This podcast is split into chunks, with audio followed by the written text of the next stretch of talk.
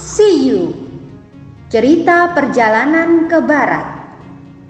Ditulis oleh Wu Cheng En Diterbitkan oleh Buana Sastra.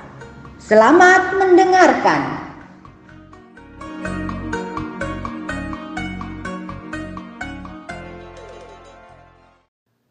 Sun Wukong, aku di sini, kata suara itu.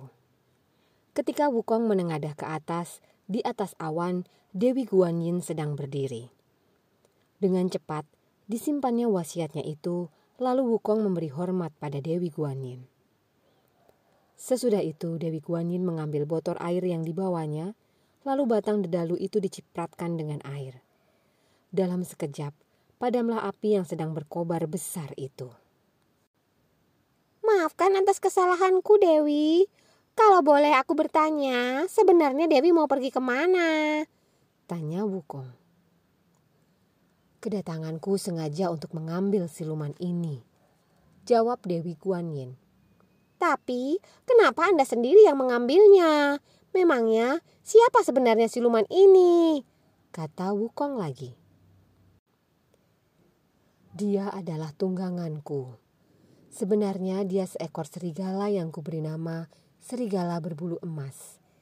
Tapi ketika penggembalaku mengantuk, dia kabur. Maksudnya untuk menolong Raja Negeri Zuzi dari bahaya, kata Dewi Guanyin. Ketika Wukong mendengar keterangan dari Dewi Guanyin, dia jadi heran sekali.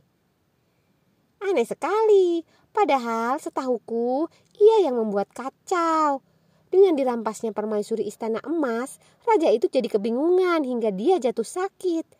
Tapi, kenapa sekarang kau katakan dia ingin menolong Raja Negeri Zuzi? Apa maksudmu, Dewi? Kata Wukong. Ya, karena kau tidak mengetahui asal-usul kejadian itu. Sebenarnya, ketika ayah Raja Negeri Zuzi masih berkuasa, ia yang saat itu masih muda gemar sekali berburu. Suatu hari, tatkala ia sedang berburu, putra mahkota ini tiba di lereng Finik yakni tempat ditemukannya sepasang burung merak.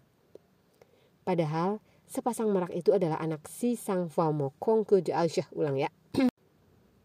Padahal sepasang merak itu adalah anak si Fang Fo Mokong ke Daming Wang Pusa atau Buddha Maurya Vidyarani. Tapi karena putra mahkota itu tidak tahu dipanahnya kedua merak itu, ternyata yang terkenal anak panah itu adalah merak yang lelaki. Karena itu, merak perempuan lalu pulang sambil membawa anak panah itu. Kemudian, dia melapor pada ibunya. Sebagai hukumannya, raja itu harus berpisah dengan permaisurinya selama tiga tahun. Selain itu, dia juga harus jatuh sakit. Jadi, ketika hal itu terjadi, aku memang sedang lewat di tempat ini bersama serigala itu. Tapi karena serigala itu bermaksud baik, setelah dia kabur dariku, dia segera mengambil permaisuri. Itu sebabnya selama tiga tahun raja menderita. Sekarang, sesudah kau berhasil mengobati raja, aku datang untuk mengambil serigala ini. Apalagi sekarang memang sudah saatnya hukuman itu berakhir, kata Dewi Kuan Yin. Tapi, walau serigala ini bermaksud untuk berbuat baik seperti kata Dewi, dia juga telah merampas istri orang. Jadi, walau Anda tak akan menghukum mati dia, sudah sepatutnya dia juga harus mendapat hukuman yang setimpal. Bukankah dia telah menodai kehormatan permaisuri? Kata Wukong. Jadi, sekarang maumu apa? Tanya Dewi Kuan Yin. Izinkan aku menghajarnya. Setelah itu, barulah aku puas. Kata Wukong yang kelihatan penasaran sekali. Sudahlah Wukong, kau ampuni saja dia. Pandang aku. Jika kau menghajarnya, sudah pasti ia akan mati, kata Dewi Guanyin. Mendengar kata-kata Dewi Guanyin, akhirnya Wukong terdiam. Baiklah, aku akan mengampuninya. Tapi, jika kau ingin ia hidup, seharusnya kau pun harus menjaga ia baik-baik Jangan sampai ia kabur hingga menyusahkan orang lain lagi. Kata Sun Wukong. Baik, aku berjanji. Kata Dewi Guanyin. Sang Dewi lalu membentak siluman serigala itu. Sekarang lekas kau pulang. Apalagi yang kau tunggu? Siluman itu menurut lalu berguling di tanah. Dalam sekejap, jadilah ia binatang tunggangan Dewi Guanyin. Setelah itu Dewi Guanyin segera menaikinya. Tapi ketika tak dilihatnya kelenengan itu di leher tunggangannya, ia menegur Wukong. Hai Wukong, lekas kau kembalikan kelenenganku, kata Dewi Guanyin. Namun, Wukong menggelengkan kepalanya sambil berkata, Maaf, aku tak tahu di mana barang itu. Hei kera nakal, jangan kau main-main denganku. Sekalipun kau tak mau mengembalikan barang itu, kau jangan harap bisa melawan. Jangankan satu wukong, sepuluh wukong pun serigala ini masih mampu menandingimu, kata Dewi Guanyin. Sungguh, aku tak melihatnya, kata Wukong. Wukong lalu tertawa. Sungguh-sungguhkah kau tak melihatnya? Kata Dewi Guanyin. Baiklah kalau begitu, akan kubacakan mantra agar kau jerah. Dengan demikian, kau akan berkata terus terang. Begitu Wukong mendengar ancaman Dewi, Wukong jadi ketakutan. Jangan Dewi, baiklah aku mengaku. Sebenarnya barang itu ada padaku, kata Wukong ketakutan. Dia lalu menyerahkan kelenengan itu pada Dewi Guanyin. Kemudian kelenengan itu dipasang di leher tunggangannya. Aku ulang ya. Dia lalu menyerahkan kelenengan itu pada Dewi Guanyin. Kemudian kelenengan itu dipasang di leher. Waish, ulang lagi lah. Kemudian Wukong menyerahkan kelenengan itu pada Dewi Guanyin. Kemudian kelenengan itu dipasang di leher tunggangannya. Setelah Dewi Guanyin, setelah Dewi Guanyin pamit, dia mencabuk pelan benda itu. Oh salah. Setelah Dewi Guanyin pamit, dia mencabuk pelan binatang itu lalu terbang ke angkasa. Ulang ah dari depan. Setelah Dewi Guanyin pamit, dia mencabuk pelan benang. Ai, susyah sulah banget ini. Setelah Dewi Guanyin pamit, dia mencabuk ulang dari depan. Kemudian, kelenengan itu dipasang di leher tunggangannya. Kemudian, setelah Dewi Guanyin pamit, dia mencambuk pelan binatang itu lalu terbang ke angkasa. Wukong yang menunggu sampai Dewi Guanyin menghilang di istana, H. Wukong yang menunggu sampai Dewi Guanyin menghilang di angkasa, kemudian mengeluarkan toyanya dan masuk ke dalam gua siluman itu. Setiba di dalam, dihajarnya semua siluman yang ada di dalam gua itu. Kemudian, ia menghampiri permaisuri untuk mengajaknya pulang ke negeri Zuzi. Terima kasih atas pertolonganmu, guru, kata permaisuri istana emas sambil tersenyum. Wukong juga mengisahkan pengalamannya ketika dia bertarung dengan siluman itu. Atas bantuan Dewi aku berhasil mengalahkan dia. Wukong mengakhiri kisahnya. Tapi bagaimana aku bisa pulang? Tanya permaisuri. Ah, itu soal mudah, kata Wukong. Aku akan menciptakan naga rumput. Kalau kau takut melihatnya, pejamkan matamu. Jawab Wukong. Sang permaisuri menurut. Sambil memejamkan matanya, ia naik ke atas naga rumput itu. Sesudah itu mereka lalu terbang menuju ke negeri Zuzi. Tak berapa lama, mereka sudah sampai di negeri Zuzi. Melihat hal itu, betapa senangnya permaisuri karena sudah kembali ke istananya. Ketika raja melihat Wukong sudah kembali bersama permaisuri, dia segera turun dari singgah sana untuk menyambut Wukong dan permaisurinya. Tapi, begitu raja menang Tapi, begitu raja merangkul permaisuri, dia menjerit kesakitan lalu mundur selangkah dengan wajah heran. Baji yang masih Baji yang menyaksikan hal itu malah tertawa terbahak-bahak. Dasar peruntungan tuanku yang buruk, kata Baji. Diam kau tolol. Hmm, salah. Dasar peruntungan tuanku yang buruk, kata Baji. Diam kau tolol, bentak Wukong sambil berbisik. Rupanya Raja tak mengetahui kalau tubuh permaisuri dilindungi duri yang tajam.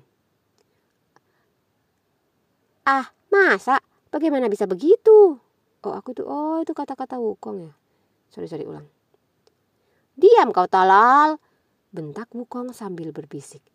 Rupanya raja tak mengetahui kalau tubuh permaisuri dilindungi duri yang tajam. Ah masa? Bagaimana bisa begitu? Tanya Baji heran. Benar, tubuh permaisuri berduri tajam. Hmm, salah. Benar, tubuh permaisuri berduri tajam. Jadi siapa saja yang terkena duri itu, dia akan kesakitan bukan main. Sebab kalau tak ada durinya, bagaimana mungkin dia bisa selamat dari sentuhan siluman itu? Kata Wukong. Melihat kejadian itu, para menteri segera menolong raja. Kemudian permaisuri istana Kemudian permaisuri istana Giok segera memapah raja. Namun, saat orang sedang gempar keheranan, tiba-tiba terdengar suara berkata, "Dewa datang!" Mendengar suara itu, semua orang segera menengadah ke langit. Lalu turunlah seorang dewa ke istana itu. Ternyata Wukong yang kenal dengan dewa itu segera menyambut kedatangannya. Zhang Ziang, mau ke manakah Anda? Tanya Wukong sambil memberi hormat. Zhang Ziang yang telah sampai ke istana segera membalas penghormatan Wukong. Terimalah hormatku, kata dewa itu. Wukong segera membalas hormatnya. Dari mana Anda? Tanya Wukong. Kedatanganku kemari untuk meminta jubahku. Tiga tahun lalu, ketika terjadi kesulitan di sini, aku yang merasa khawatir siluman itu akan menodai permaisuri meminjamkan jubahku. Maksudku adalah untuk melindungi kehormatannya. Sebab jubah itu membuat permaisuri tubuhnya seperti tumbuh duri bila disentuh. Dengan demikian, dia bisa terbebas dari segala gangguan. Ulang. Kedatanganku kemari untuk meminta jubahku. Tiga tahun lalu. Ulang ya. Kedatanganku kemari untuk meminta jubahku.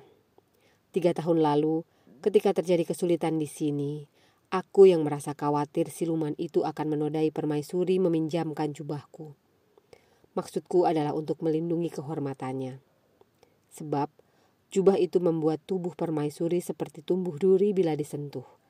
Dengan demikian, dia bisa terbebas dari segala gangguan. Sekarang, setelah bahaya itu lewat, aku datang untuk meminta kembali jubahku. Kata dewa itu. Oh, maafkan kami. Kami telah membuatmu susah. Jauh-jauh kau datang hanya untuk meminta jubahmu, kata Wukong. Ah, tak apa. Kurasa sudah sepantasnya aku menolongnya, kata dewa itu.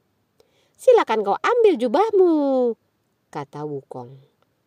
Zhang Xiang segera menghadap permaisuri istana emas, lalu sambil menunjuk dengan jarinya dia berkata, Lepas kau dari tubuhnya. Maka dalam sekejap terlepaslah jubah itu dengan sendirinya. Sesudah itu jubah itu diambilnya lalu dia segera memakainya. Maaf, sekarang aku pamit hendak pergi. Kata dewa itu. Tunggu, raja harus mengucapkan terima kasih kepadamu.